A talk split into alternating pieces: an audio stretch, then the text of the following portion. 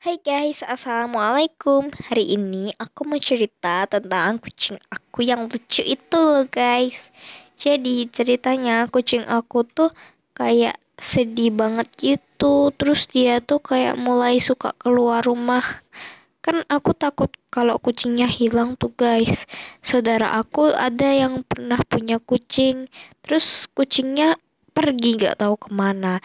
Tapi kandangnya masih bagus habis itu aku dikasih sama saudaraku deh kandang kucingnya buat ngandangin kucingku biar nggak hilang. Aku masuk waktu aku masukin tuh adikku juga ikutan masuk guys. Cukup karena kandangnya gede banget. Habis itu kucing aku suka.